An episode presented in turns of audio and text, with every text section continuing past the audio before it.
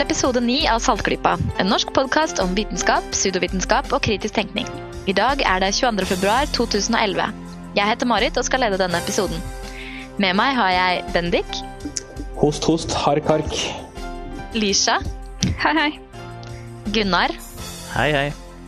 Kristin. God dag. Og Andreas er tilbake. Andreas, hallo. Hei og hopp. Jeg er med. Hei. Der var du også, ja. Eh, I dag har vi eh, et par ting på eh, programmet. Først skal vi snakke om eh, noen nyheter. Eh, det har vært en del eh, omtale i det siste om en stor planet som kanskje befinner seg i de ytterste baner av solsystemet vårt. Kanskje Kristin kan fortelle litt om det? Ja, det er to astronomer som har sagt i en sak i Independent-avisa i UK, det sto i Dagbladet da, denne uka, at de, de, har en, de har lagt frem en teori om muligheten for en ikke tidligere oppdaget kjempeplanet langt utenfor de andre i solsystemet. Helt ute i det som heter Ortskyen, der som eh, kometene har sitt opphav. Eh, og den, den planeten, da, Tyke, som liksom har fått navnet, den, den, skal den skal være fire ganger så stor som Jupiter. Og det er jo ganske massivt, og det er jo ganske kult, egentlig. Men eh, dette er da det som fremstilles i Dagbladet og de andre avisene som en sånn de kan ha oppdaget en ny kjempeplanet, er i, i virkeligheten et slags sånn tankeeksperiment. da. Hvordan vil en stor planet påvirke banene til disse kometene i Ortskyen? Det er det de to uh, astronomene har, uh, har, tenkt seg. Og hvis man ser på nok av disse kometene, kan man da regne seg frem til hvor stor gravitasjon denne planeten har.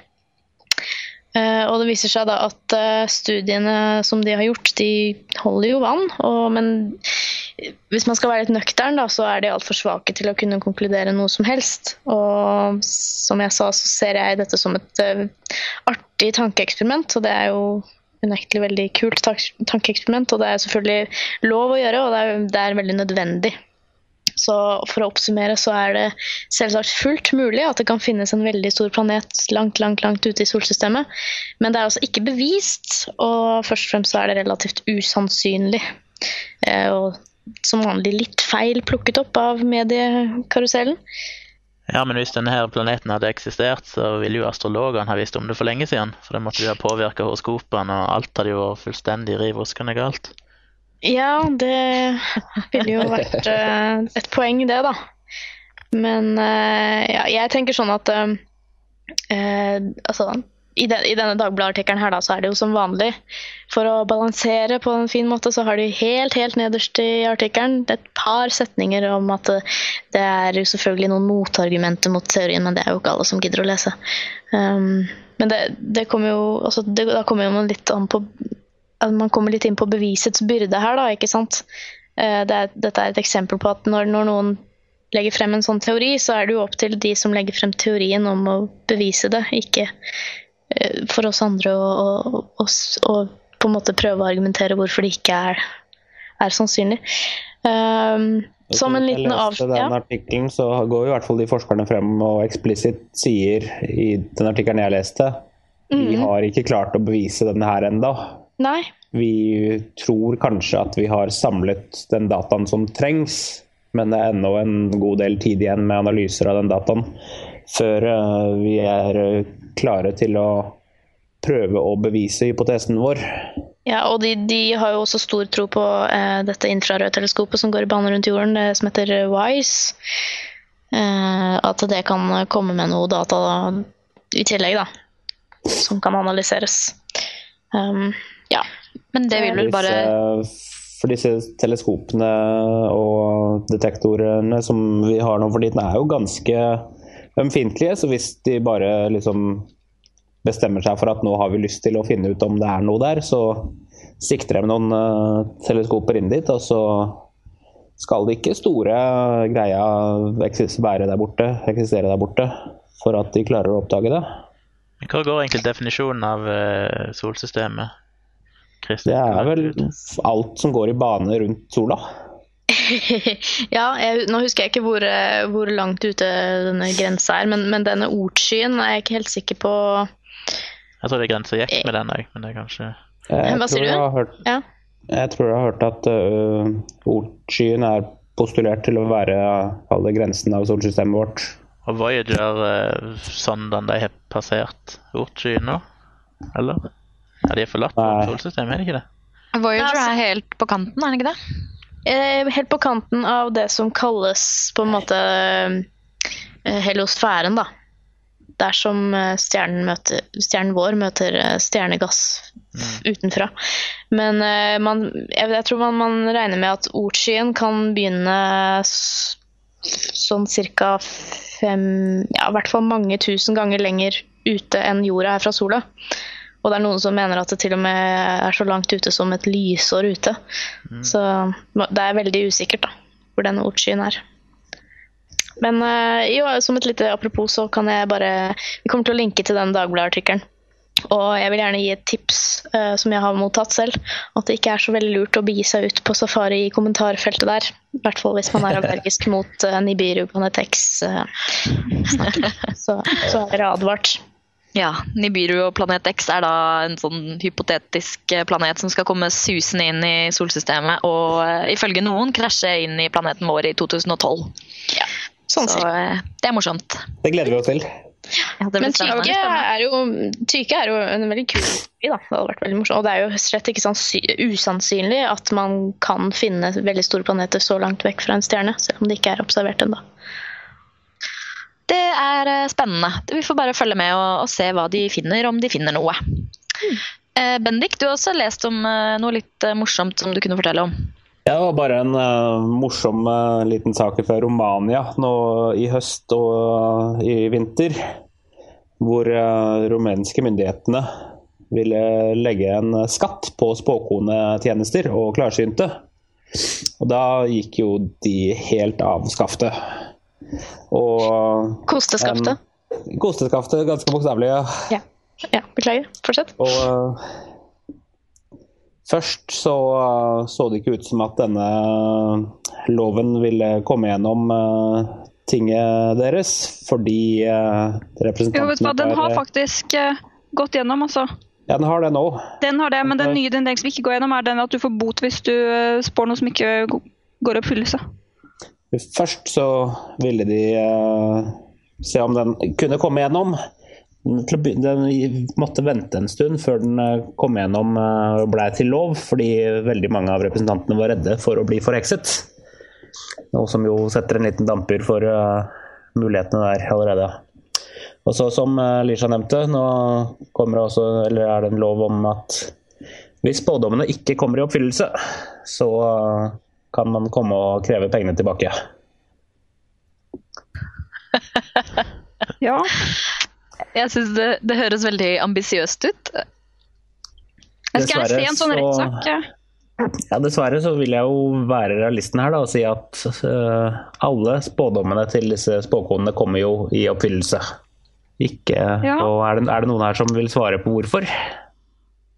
Jeg sier bare what? Det er selvfølgelig Og Det er så vagt at Ikke det selvsagt fordi de er klarsynte, men eh, for de av oss eh, som hørte på episoden vår for et par uker siden, og vi pratet om cold reading, vil jo da skjønne med en gang hvorfor eh, alle spådommene til disse spåkonene går i oppfyllelse. Det er fordi de er så vage og så full av forereffekter, som vi nå kan bruke faguttrykket på, at eh, de går i oppfyllelse, og at ingen noen gang vil eh, gå og klage på at eh, den ikke gikk i oppfyllelse. Stort sett, i hvert fall. Men det man kan si sikkert nå, er at de kommer i hvert fall ikke til å bli mindre vage i Romania i fremtiden. Nå som de faktisk kan risikere å bli straffeforfulgt. Ja. Så det vil ikke bli Det vil ikke innskjerpe spesifikasjonsgraden deres, tror jeg. Når jeg sitter og leser den artikkelen eh, om igjen, så står det faktisk at etter at det ble en lov eh, om at de skulle betale skatt i januar, så var det visst en del hekser som eh, prøvde å faktisk prøvde å forhekse regjeringen ved å blande ut masse stoffer i drikkevannet deres. Det, forhekse ved å forgifte? Er det hekseri, da? Men hvis disse, disse behandlerne eller heksene glemmer å skrive opp noe, er det, og dermed slipper å betale skatt, er det da svart magi? Og jeg må innrømme at den var mye bedre enn den kosteskaft-tingen jeg kom med. Altså. Det er godt å ha deg tilbake, Andreas. Ja, ja. Ja eh, fra spøk til alvor. Eh, vi har eh, også på plakaten i dag et intervju med lege Pernille Nylén. Hun har blitt involvert i skepsis og vitenskapsformidling de siste året omtrent. Så da går vi bare videre til det. I dag har vi da altså med oss Pernille Nylén. Hun er lege og spesialist i allmennmedisin, og er blitt ganske engasjert i vitenskapsformidling og kritisk tenkning i det siste. Hun har også studert psykologi, nordisk og statistikk. Hun er skribent i medisinske tidsskrifter og aviser og blogger, og er tidligere webredaktør for Allmennlegeforeningen. Velkommen til oss, Pernille. Tusen takk. Vi tenkte vi skulle snakke litt med deg om eh, både din allmennlegeerfaring og eh, de temaene som du har blitt mer opptatt av i det siste. Så for å begynne med, med din hverdag. I, I din daglige praksis, hvor mye opplever du at eh, pasientene dine benytter seg av alternativ medisin? Um, jeg opplever det jo en del. Um, det er jo ikke alltid de nevner det til meg, selvfølgelig. Men Nei. det er jo en del som spør. uh, de har hørt om det og det kosttilskuddet, eller uh, om jeg tror det og det virker. Uh, noen ganger sier de, eller spør dem jeg har hørt om det og det, tror du det har noe for seg? Um, og noen ganger forteller de mer eller mindre tilfeldig at de bruker et kosttilskudd og sånn. Antagelig Hvordan- er det jo en del mer enn det jeg får vite om, da, for det er jo en del som tror at jeg blir sint liksom, hvis, de sier at, hvis de forteller at de bruker alternativ medisin. Jeg blir jo ikke det, men uh, de har en sånn forestilling om at uh, ja. Hvordan forholder du deg til det da, når de, når de sier at de bruker alternativ medisin? Jeg forholder meg stort sett ganske nøytral. Um, og jeg sier, hvis de spør om det og det er eh, fornuftig eller lurt å bruke, så sier jeg at det har jeg faktisk ikke kompetanse til å fortelle. For det her er ikke mitt eh, fag. Um, det, de skal være kritiske, og hvis noen, hvis noen ja, Jeg ber dem om å være litt kritisk, og hvis noen lover mirakler, eller hvis det koster veldig mye, så skal de være ekstra tilbakeholden. Det er vel stort sett gode råd. Hvilke behandlingsformer eh, blir du oftest eksponert for, eller hvem er mest utbredt? Eh, Homopati er det jo ganske mange som bruker, og så er soneterapi, særlig fotsoneterapi. Jeg er ikke helt sikker på forskjellen på soneterapi og fotsoneterapi. Eh, så er det vel en del som bruker akupunktur. Og så er det veldig mange som tar sånn diverse kosttilskudd som eh, Ja, kosttilskudd kan jo være alt fra tran til mer eh, aparte ting, så jeg har ikke noe sånn klart i hodet mitt noen statistikk over hva som er vanligst. Men eh, folk finner jo altså Det er ofte at folk kommer med et utklipp fra et ukeblad hvor det står at en kjendis har blitt frisk av det og det, eller eh, det der er så godt for leddene og og, og spør hva tror du om det her. Eh, Og da er jeg jeg syns det er vanskelig verken å si, eh, altså, si sånn veldig bastant nei, men eh, ja, si det der om at de skal være litt obs og spørre litt om hva koster det egentlig. Og så hvis det viser seg at det koster veldig mye, så sier jeg at er du sikker på at det her er verdt det? Mm. Er det noen av eh, behandlingene som peker seg ut som farlige? Nei, jeg tror ikke jeg har eh, Ja, eller folk som får Som tar eh, alternativ behandling for kreft, og det er jo ikke helt uvanlig. Så de er jo ofte litt desperate når de har forstått at det ikke er mulig å bli kurert for eh, kreften. Og om det er farlig eller ikke, men da er de ofte villige til å betale ganske mye penger for det. Mm. Og det syns jeg er veldig trist, eh, at de både bruker masse penger og ofte veldig mye tid og krefter i liksom den siste tida på å liksom halse etter um, forskjellige kurer som de håper skal kurere dem. Det hender jo at folk tar opp masse lån for å reise til Danmark eller Tyskland eller sånt for å få en eller annen kur. Og noen ganger sitter de rett og slett igjen med stor gjeld. Altså en pårørende sitter igjen med ikke bare stor sorg, men stor gjeld. Det er ikke så veldig ofte, men, men det, det finnes tilfeller av det, og det mm, sier jeg veldig trassig. Ja, det forekommer vel ofte nok til at det er eh, verdt å, å følge med på. Ja.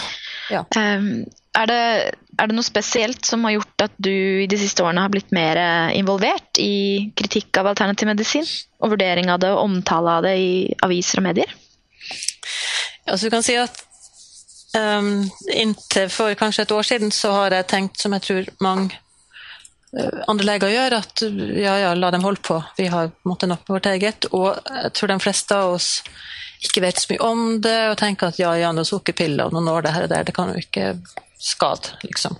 Men det som eh, ja, Pluss at jeg er ganske opptatt av å kritisere mitt eget fag, da, for jeg syns det er ganske mye i medisinen som ikke fungerer helt som det skal. sånn at jeg har vært litt opp, mer opptatt av å feie for vår egen dør enn å gå løs på andre. Men det som utløste interessen min, det var en oppslag i Stavanger Aftenblad i fjor vår om uh, den såkalte pH-teorien og pH-kuren. Eh, og det var artikler som var ganske skremmende. Altså de eh, avdekka en eh, praksis og noen behandlere som både hvor teorien er helt på jordet, for å si det enkelt, og det er behandlere som har to ukers såkalt utdannelse, og så driver og stiller diagnoser på folk og selger ganske mye dyre remedier som har null for seg, og som til og med er giftig. Det er jo eh, mildt sagt sjokkerende. Ehm, kan du fortelle litt mer om ideen bak eh, pH-kuren og syrebase? Ja, um, pH-balansen er jo veldig viktig. Uh, kroppen skal være veldig nøye regulert uh, for surhet nøye regulert for masse andre ting selvfølgelig også. Men det er en veldig viktig del, og det er veldig farlig hvis pH blir for høy eller for lav. Det er like farlig om den kommer for høyt eller for lavt. Så det er et, et, faktum som ingen er uenig i, men, så, men vanligvis så er pH veldig godt regulert. så Kroppen er veldig flink til å regulere pH. Så med mindre en har et helt, eh, helt, helt spesielt kosthold eller bruker masse tilskudd eller noe sånt av enten veldig sure eller veldig basiske ting, så kan det bli påvirka. Eller vanligvis så er det fordi at en har en sykdom som kan gjøre at pH blir høyere eller lavere. Men det de folkene her mener, er at, at pH i kroppen blir veldig lett påvirka, og så mener de at de fleste i den vestlige delen av verden er for sur, altså har for lav pH.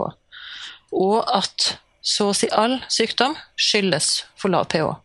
Det er kreft, og det er diabetes, og det er overvekt, og det er undervekt, og det er eh, stoffskiftesykdom, og det er ikke noe ende på hva som er forårsaka av eh, for lav pH.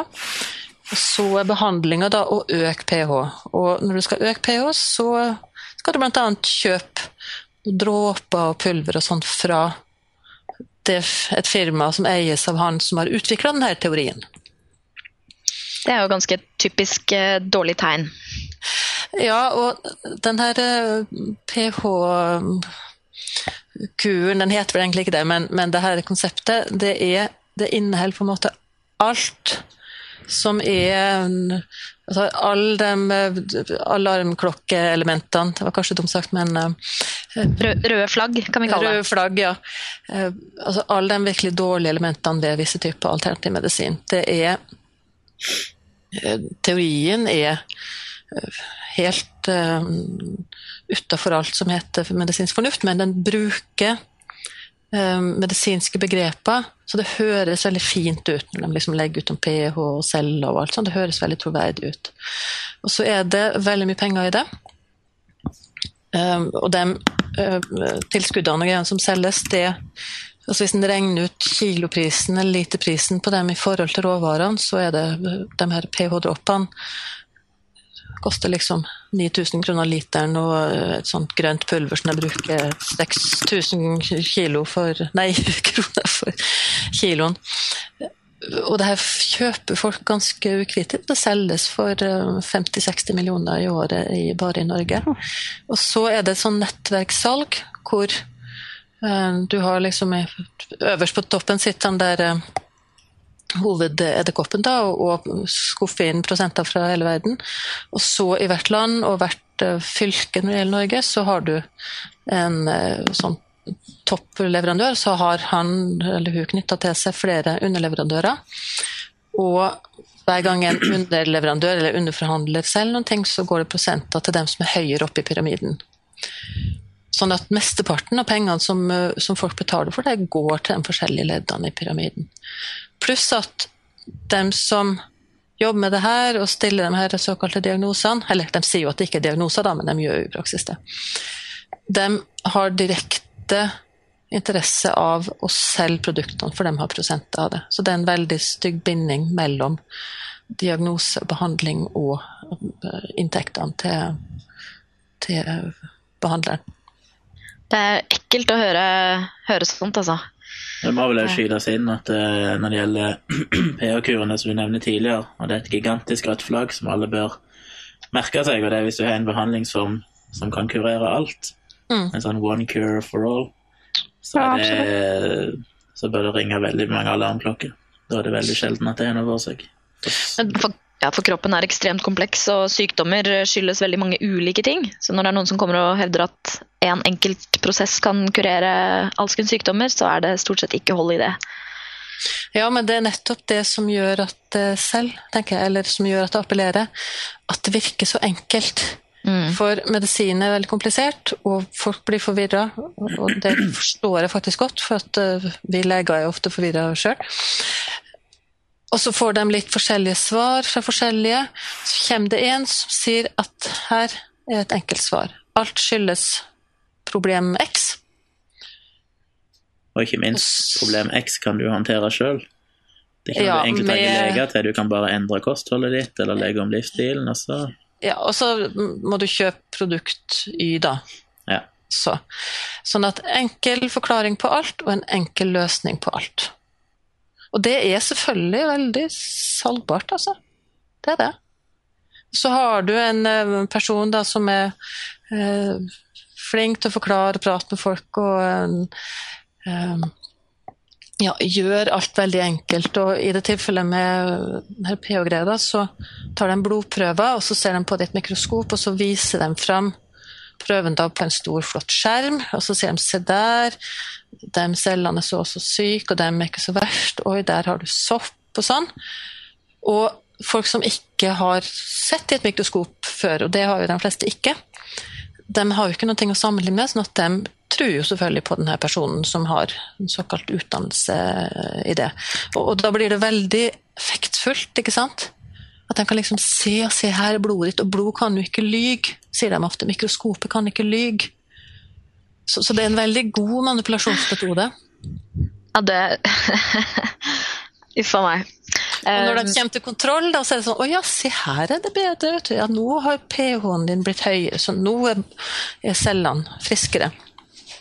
Du har det at det er en enkel forklaring og en enkel kur, og så har du at den bruker eh, måte, vitenskapelige og medisinske begreper som mm. høres fine ut hvis du ikke har greie på det. Og det at de bruker altså veldig sånn pedagogisk her er et bilde, og her er blodet ditt og alt sånn. Og det her med prosent av salget. Og det siste er jo at de som driver med det her, de har stort sett ingen medisinsk kompetanse. Altså null. De har ingen helsefaglig utdannelse. Han, han som driver med det her, eh, her i Rogaland, han er flymekaniker. Det er hans utdannelse. Og så har han da slått seg på det her med mikroskopi. Og han har rett og slett bare svelga hele historien rått. Altså, han tror fullt og fast på han her guruen i, eh, i USA. Men altså, den utdannelsen han har der inne, her, at han har gått på to ukers kurs i mikroskopi hos han, Dr. Young, såkalte Dr. Young, som er eh, guruen her. Og på to uker mikroskopi Jeg har jo hatt en del uker og måneder og år i det sjøl, så de første to ukene så skjønner du knapt hva du ser.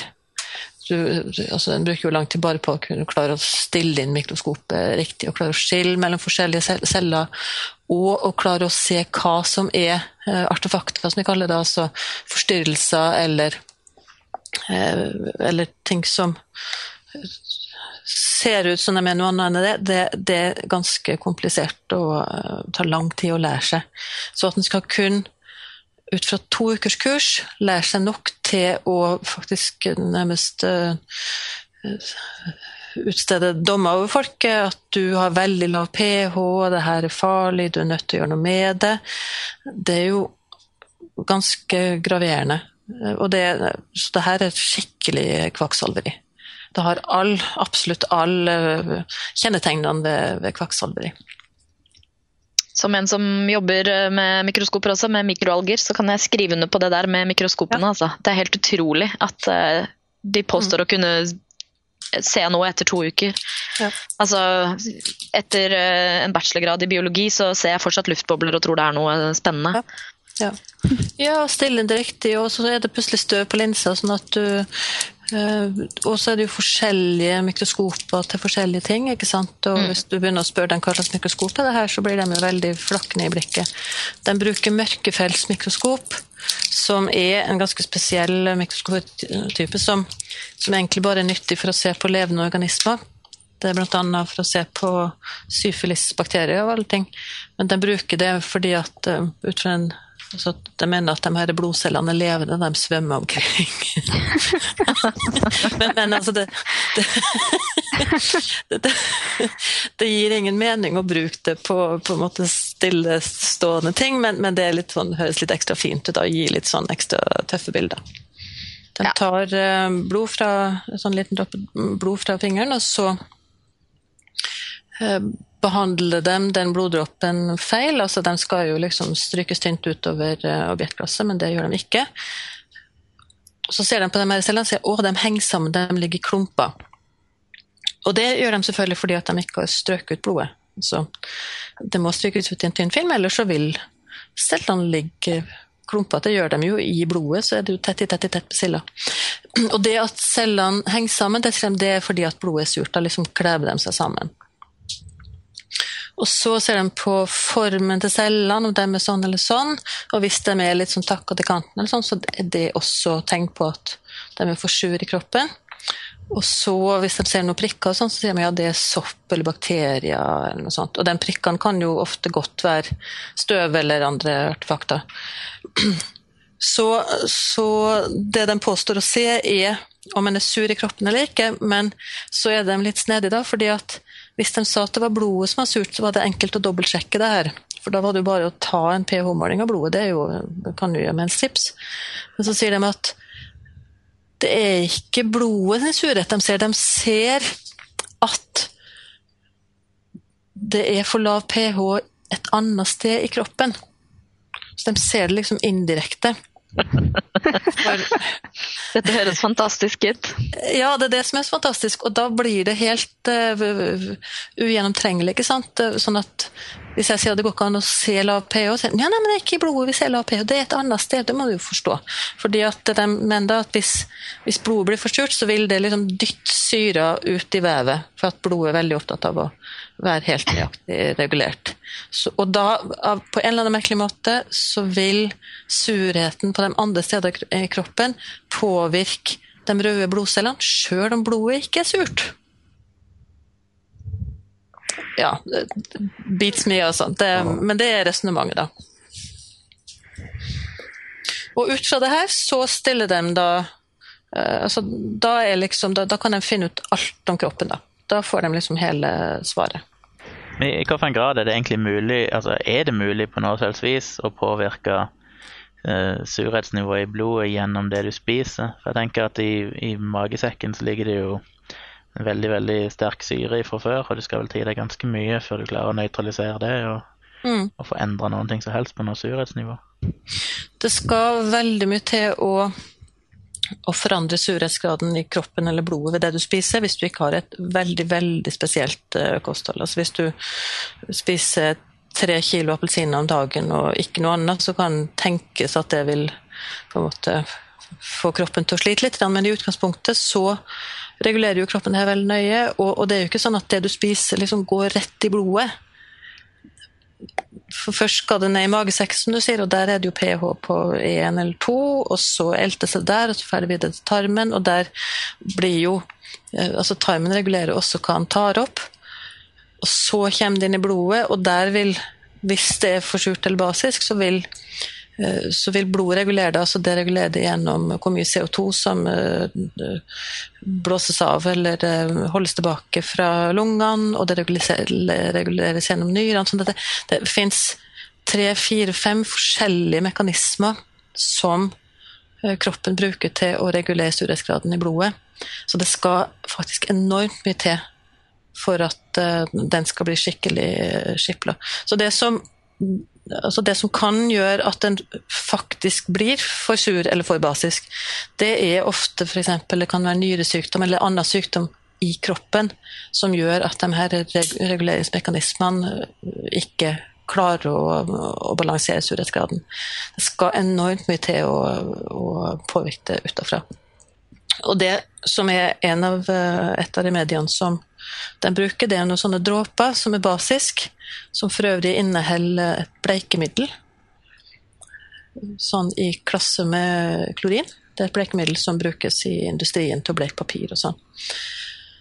Og det her skal du da dryppe i noe vann, og så skal du drikke det. Og det skal angivelig da øke pH-en. For det er liksom målet er jo å øke pH. Helst skal ha pH på åtte oppimot der. Som for øvrig er dødelig, men eh, det kan vi ta etterpå. Men noen dråper med det her middelet i eh, altså Vi har jo 4-5 liter blod og 50-60 liter med forskjellige væsker i kroppen. Det er jo en sånn, bokstavelig talt, en eh, dråpe i havet. sånn at det, det, er en umulighet at det virkelig skal påvirke pH-en i både kroppen og blodet. Og det vil, altså det vil skilles ut så fort gjennom nyrene at det, kroppen ikke blir påvirka i det hele tatt. Hvis du ikke drikker enorme mengder, men da vil du antageligvis få tarmskade og etseskader i munnen før du får reelt eh, for lav eller for høy pH av det. det i, nå for tiden så lever jo vi i et informasjonssamfunn. Og det er veldig vanlig for folk straks de opplever noen symptomer, å bare google de og gå på internett og se hva de finner der.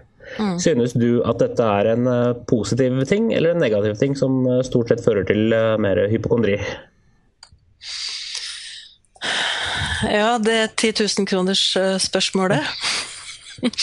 Vi skal jo ikke si at informasjon er farlig.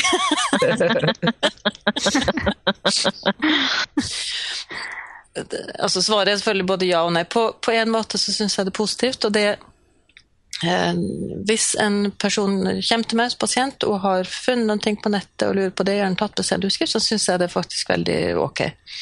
Og de fleste har faktisk vett til å sile informasjonen og skjønne at en del av det er humbug. Hvis de kommer der, da har vi utgangspunkt for en god samtale, hvor vi kan gå gjennom realitetene i det, og altså, da kan jeg få gitt ganske mye helseinformasjon ut fra det de har funnet på, på nettet. Og ofte er de usikre og på en måte vil gjerne ha meg som tolk.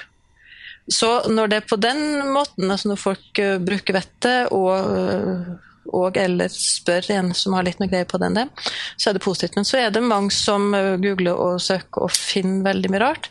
Sånn som det her med med pH og en masse andre merkelige greier.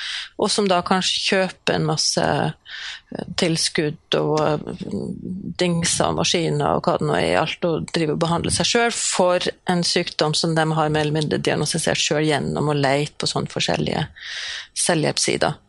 Og kan finne fram til ganske fantasifulle eh, diagnoser som kan være faktisk veldig veldig feil. Jeg har et eksempel som er ganske ganske illustrerende. Eh, det var en som eh, hadde en del eh, trøbbel med magen, mye diaré, og så så han at det var blod i avføringa. Og så var han ikke sånn som skulle gå til lege uten videre, så han lett på nettet og fant noe sånn Candida-sida, da. Candida er jo en sopp, ikke sant? og det er jo en sånn, nærmest en egen skole som sier at, at candida er farlig, og det kan gi masse, masse forskjellige symptomer. Og så fant du ut at et av tegnene på at han hadde candidainfeksjon, da var at han kunne ha blod i avføringa. Så han begynte å kutte ut brød og kutte ut uh, masse ting for å få liksom, bekjempa den uh, såkalte candida-infeksjonen.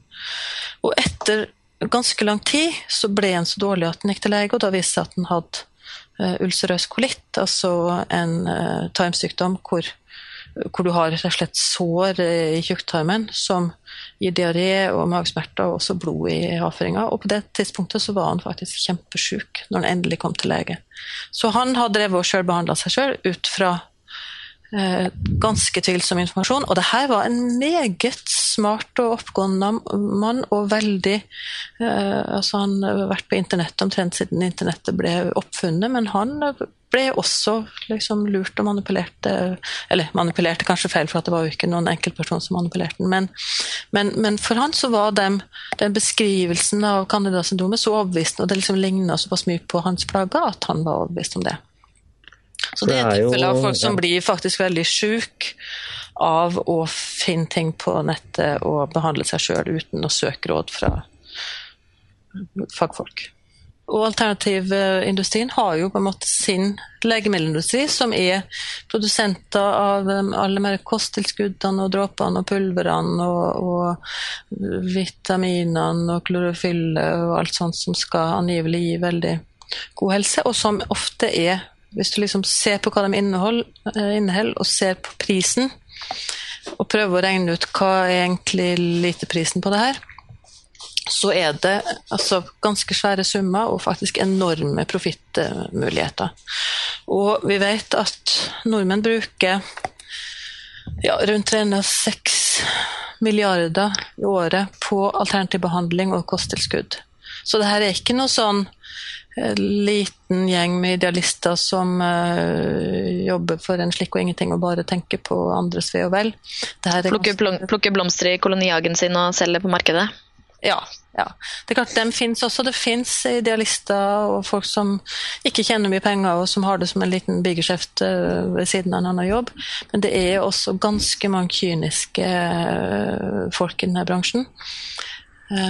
Så det når, når, de klager over legemiddelindustrien, som det absolutt finnes mye kritikkverdig med, så må de også se kritisk på sin egen altså pengefolket bak sin egen bransje. Men det gjør de dessverre i veldig liten grad. altså Det argumentet går liksom ikke inn. Det er jo en ting som man aldri hører og som de sjelden godtar som argument, så er det at legemiddelbransjen de tjener mye penger, men de bruker også veldig mye penger eh, når det gjelder utvikling av nye medisiner. Det er jo kjempe, kjempedyrt. Mens mm. derimot å utvikle nye medisiner, hvis jeg kan bruke de ordene i det hele tatt i alternativ sammenheng, så altså, knuste alger, liksom. Ja. Det er jo en helt annen størrelsesorden når det gjelder investeringen som skal til. Så det er som sagt om profittmarginene.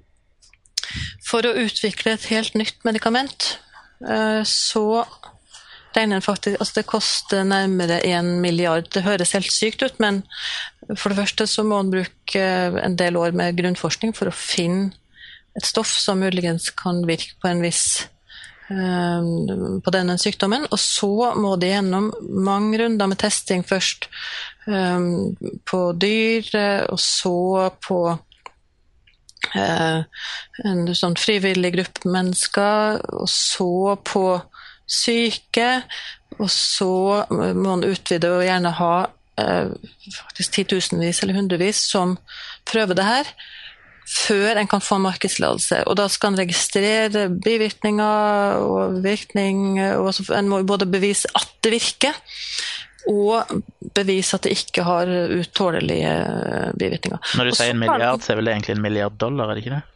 Nei, en milliard kroner. Jeg bare sjekka tallene fort. her, så Det er en estimat fra 800 millioner til 2 milliarder i snitt sånn per uh, amerikanske dollar per uh, medikament. Dollar, ja. Ja, ok, da, da, sa jeg feil. Det er jo litt sånn, det er så store tall at du ikke egentlig skjønner dem.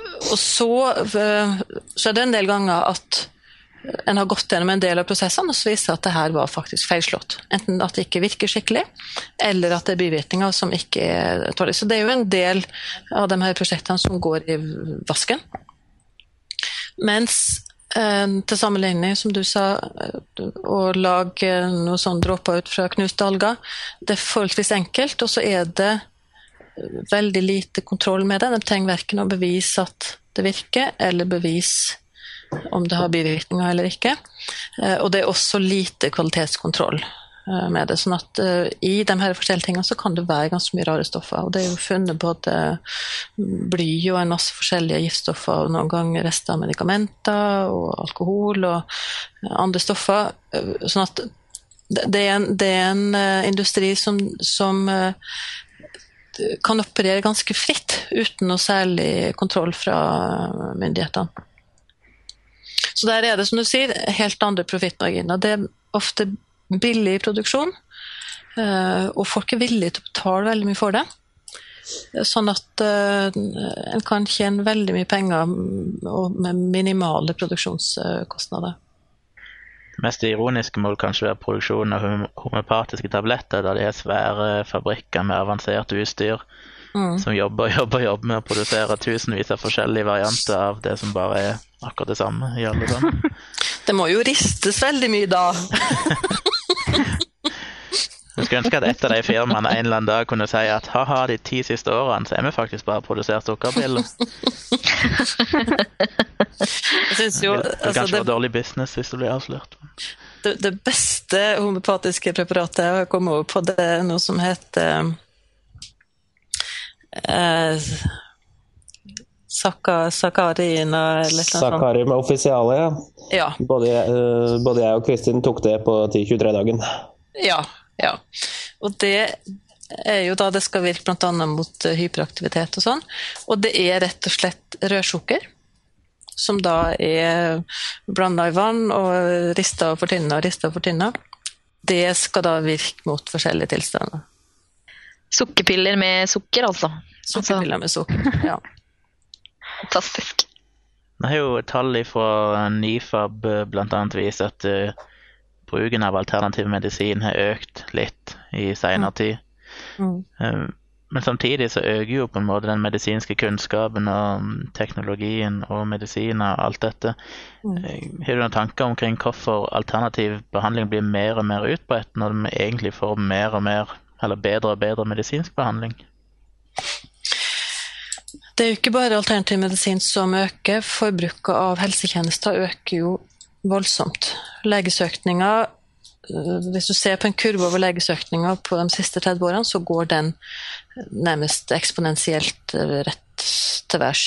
Sånn at vi, mer, vi, går mer og mer til lege, selvfølgelig delvis fordi at det finnes behandlinger for en del ting som det ikke eh, fantes behandling for før. Men det er også en opptatthet av helse som altså Vi er my veldig mye mer opptatt av helse nå enn for si 50 år siden, sjøl om vi på de fleste måter er friskere vi lever jo lenger, og det er få som er underernært, og, og eh, vi, barn får sjelden alvorlige sykdommer som de dør av. Og, men vi er veldig opptatt av helse. Og, det er fordi at vi ikke aksepterer at uh, livet er vondt og vanskelig, og noen uh, smerter og plager får den, eller uh, ja, Jeg vet ikke helt om jeg klarer å, å forklare det, men, men, jeg tenker at de to tingene går egentlig hånd i hånd. Og de som bruker mye alternativ medisin, de går faktisk også mye til lege. Så er, altså, de er storforbrukere av helsetjenester på, på begge måter. Du snakket jo tidligere om at han, den uh, historien om han fyren som hadde selv diagnostisert seg sjøl, og, og, det holdt på å gå galt, og du sa han var en veldig oppegående fyr. En smart mm. fyr. Og det har vel òg sett noen tall på at uh, det i veldig stor grad faktisk er ganske høyt utdanna folk som er de største forbrukerne av alternativ medisin. Mm. Kan det ha noe med det at en kanskje overvurderer sine egne evner til å, å få til en diagnose fordi en anser seg sjøl som såpass smart, og at ja, jeg blir ikke lurt, ikke sant, det er ingen som klarer å lure meg. Og dette her skjønner jeg meg på, at en, at, eh, ja, at en skyldes at en har kanskje for høy tiltro til seg sjøl og sine egne evner. Ja, Det er et godt spørsmål. Det er jo helt sant som du sier at det er uh, dem som er størst forbrukere av alternativ medisin, det er liksom øvre middelklasse og sånn relativt høyt utdannede. det kan skyldes flere ting. Det ene at de kanskje har på en måte mer tid til å sitte og kjenne etter om de er sykeste, for å være litt uh, ekkel. og det andre er at folk som er ressurssterke, de stiller oftere Altså de stiller høyere krav. Og hvis de, blir, hvis de, ikke er fornøyd med det de får fra legen og helsetjenesten, så vil de søke andre steder. Pluss at de rett og slett har penger til å betale med. For det her kan faktisk bli ganske dyrt. Sånn som å gå til han flymekanikeren som er nevnt, det koster 1700 kroner for første konsultasjon. 1700 kroner. Det er omtrent dobbelt så mye som en uh, hel privat spesialistlege tar for en uh, konsultasjon. Så folk altså, er villige til å betale veldig mye, men da må du selvfølgelig ha de uh, pengene. Og det kan godt være det er litt av den forklaringen som du sier, at, at en tror at en er i stand til å bedømme og vurdere de tilbudene en får, og at en ikke lar seg lure uten videre. Det er sikkert veldig mange mekanismer ute og går der. Vi har jo snakka en del tidligere i bl.a. foredraget ditt på kritisk masse, skeptiker skepsiskonferansen i høst om det du kaller for en overmedikalisering av samfunnet, mm. som du har nevnt litt nå. Eh, kan du bare si litt mer om dine tanker omkring det?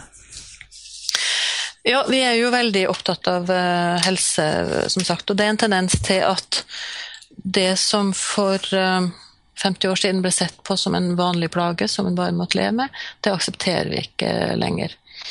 Og det er jo dels helsetjenesten uh, sin skyld. Altså, verden har gått fram, og verden har funnet fram til mer og mer, og flere og flere medisiner. Og da er det en, en forestilling om at vi egentlig kan løse alle problemer. Vi kan liksom kurere alt. Uh, og det er i hvert fall det bildet som ofte skapes i uh, media. Uh, media liker å skrive om det som er fantastisk bra og det som er fantastisk dårlig. De skriver ikke så mye om hverdagene. Så når en professor har funnet et eller annet veldig flott, så kommer han i eh, avisa.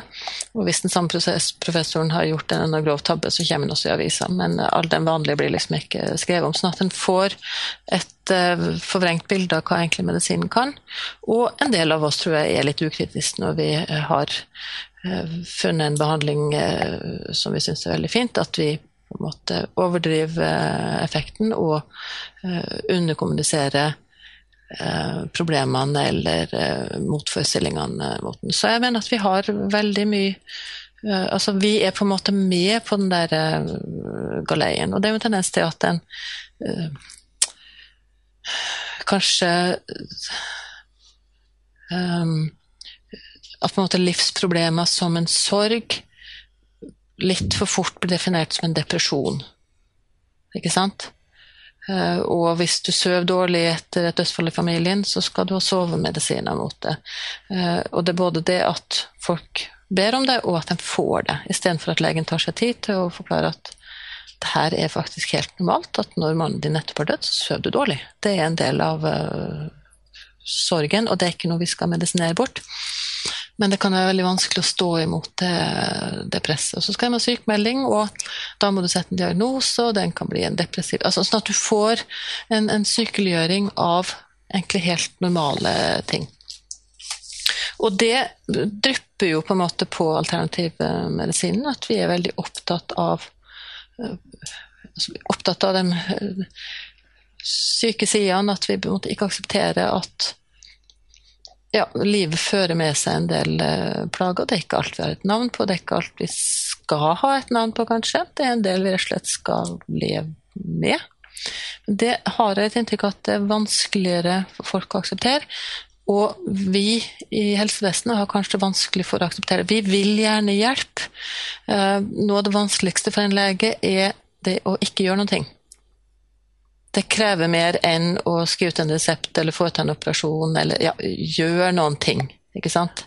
Så vi, er, vi har blitt litt sånn fanga av eget uh, Vi har blitt fanga av et spill som både leger eller helsevesenet og befolkninga eh, er med på å nærmest gire hverandre opp i. Så, så vi har jo som sagt, Det er veldig paradoksalt at vi har aldri vært så friske egentlig som vi er nå. Vi har aldri levd så lenge. Men vi er ekstremt opptatt av uh, helse. Og, og, det virker jo som at det er nærmest det eneste som betyr noen ting.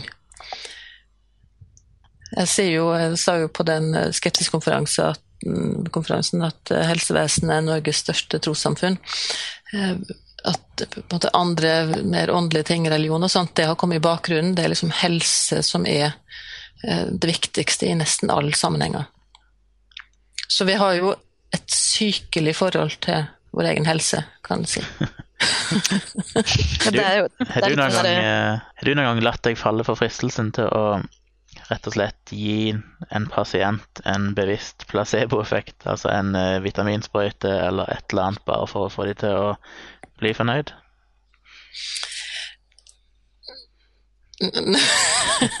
Hvis du tør svare på det. I could tell you, but then I'd had to kill you. jeg skal innrømme at det har hendt på Jeg har vært tilsynslege på sykehjem en del, og det er jo noen som forlanger å få sovemedisin, selv om de faktisk eh, Vi vet at de sover tolv timer hver natt. Og da har det hendt at vi har gitt dem en C-vitaminpille, og så har de sovet like godt på det. Det er jo på, veldig på kanten, men eh, noen ganger har vi funnet at det er faktisk medisinsk eh, tilrådelig. Eh, men, men jeg vil jo si at det utnytter jo placeboeffekten hver eneste dag. Ikke ved å gi folk uvirksom medisin eller uh, feil medisin, men vi vet jo at det å gå til en behandler og bli hørt på og bli trodd, det kan være ganske helsebringende eh, i seg sjøl.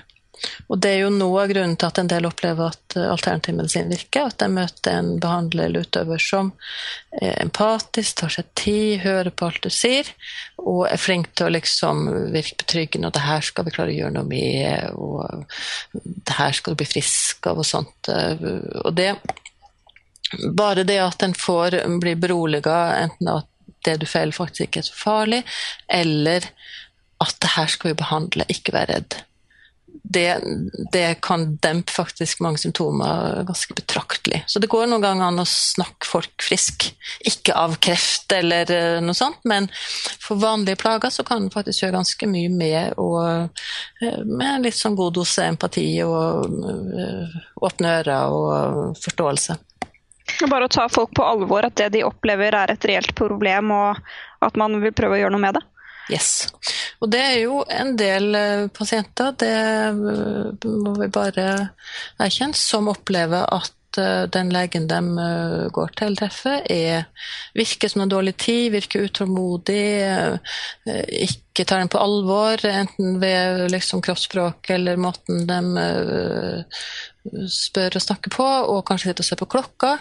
Og da føler folk seg krenka og tråkka på, og de går ut derfra med en følelse at eh, Nei, jeg var visst ikke så viktig, eller mine plager var visst ikke så viktig.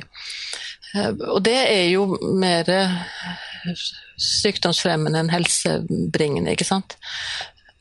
Så det er jo sånn sett en del dårlig medisin som utøves, uten at det er noe sånn legetabbe, men, men, men det er dårlig kommunikasjon kan eh, virke veldig veldig negativt. Og da igjen, Hvis du da kommer til en behandler som, som ikke ser på klokka, som kanskje gir en hel altså Du kan sitte en time og prate om ditt, og forstå veldig forståelsesfull og sånn, så eh, klart da blir det en veldig kontrast til den der travle legen. Så vi ødelegger jo litt for oss sjøl også ved å, den der travelheten når vi skal få ting unna. og skal være så effektiv og, og sånn. For vi vet jo egentlig, altså det har vi lært, og det har de fleste leger erfart, at tar du deg god tid og hører på folk, så sparer du faktisk tid, fordi at da får du beroligende. Du slipper at den liksom kommer tilbake og kommer tilbake og kommer tilbake. Eh, og folk blir mye mer fornøyd og blir friskere, rett og slett. Eh, Nesten uansett om du gir dem behandling eller ikke. Så vi er for lite flinke til å, å bruke den menneskelige effekten, altså placeboeffekten, effekten av å gå til en behandler. Den har forsvunnet litt i den medisinske kulturen. Jeg føler i hvert fall at uh, vi har fått uh, veldig mye av tiden din akkurat nå. Og uh, vi setter veldig pris på det. Jeg føler meg bedre. Det var godt. Så Jeg da, sender, jeg sender regning. Tror jeg vi eh, takker deg for eh, samtalen. Og så håper jeg kanskje vi kan høres igjen senere. Det kan vi sikkert. Tusen takk for at jeg fikk være med. Jeg vil gjerne minne om at eh, dere kan ta kontakt med oss og stille spørsmål om alt dere lurer på. Dere kan komme med kritikk eller innspill. Eh, og det er mange måter å komme i kontakt med oss. Dere kan ta kontakt på e-post og Facebook. Dere kan legge igjen en talebeskjed på Skype. Og dere kan også gå inn på iTunes og klikke på eh, mange stjerner der, sånn at vi får litt ratings og får spredt eh, det gode ord. Det renner vel ikke over av eh, e-post og spørsmål til oss, så det er ganske stor sannsynlighet for, å, for at det blir tatt opp hvis noen kommer med noe, er det ikke? Absolutt. Vi, og vi er veldig glad for alle innspill og korreksjoner og, og sånne ting. For vi er jo eh, stadig under opplæring, vi òg. Ja. Så send inn alt dere har på hjertet. Så har vi også ukens anbefaling. Eh, da har vi noe litt spesielt denne uken her. Um, Human-Etisk Forbund har invitert en ganske stor eh, stjerne til Oslo. Og også til Bergen og Trondheim. Så vi anbefaler at dere holder av eh, datoene. Det er da 18. mars i Oslo og 22. og 23. mars i Bergen og Trondheim. Jeg er litt usikker på hvilken rekkefølge det er, men det blir lagt ut nå straks. Og den store stjernen som kommer, er James Randy. Yay! Yay! Han er, han er liksom skepsisens eh, grand old man. Han har jo holdt på med skepsis i eh, ja, flere tiår og har eh, utlovet uh, sine egne penger og fått bygget opp et ganske stort fond som en premie hvis noen klarer å påvise eksistensen av noe som helst overnaturlig. Million Dollar Challenge heter det. Det kan være morsomt å lese om. Da, Da gleder vi oss. Vi gleder oss. voldsomt. Vi gleder oss voldsomt. 18. mars skal vi eh, alle troppe opp eh, hvor enn det blir, og høre på James Randy. Ja, så vidt meg bekjent så er ikke lokalet fastsatt eh, helt eh, sånn spikret ennå, så, så bare følg med på Human-Etisk Forbunds nettsider, så dukker det nok opp. Men da har vi vært igjennom det vi skulle snakke om i dag. Så takk for at dere var med alle sammen. Jo. Ha det bra. bare vår glede. Og takk til de som har hørt på. Absolutt. Ikke Det er like viktig. Takk til deg. Ha det bra, alle sammen. Ha det. Ja.